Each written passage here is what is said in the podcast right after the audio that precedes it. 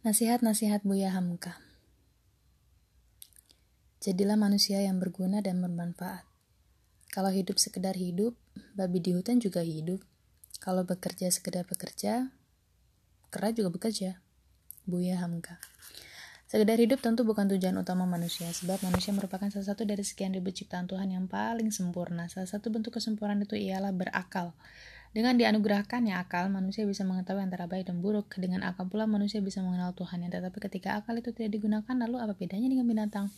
Misal, ada banyak orang yang bekerja yang ia menghalalkan beragam cara termasuk dengan menipu dan korupsi. Ketika bekerja sekedar bekerja tanpa memikirkan halal haramnya, baik dan buruknya, maka persislah dengan binatang, saling sikat dan memangsa demi kepentingan perut semata.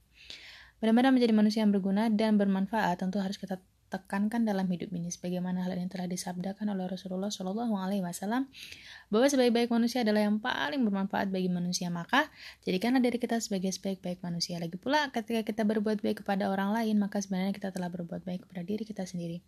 Belum lagi Allah Subhanahu wa taala juga akan membantu keperluan orang yang membantu keperluan orang lain. Bahkan ketika seseorang membantu kesulitan saudaranya di dunia maka sang kholik akan memudahkan kesulitan-kesulitannya ketika di akhirat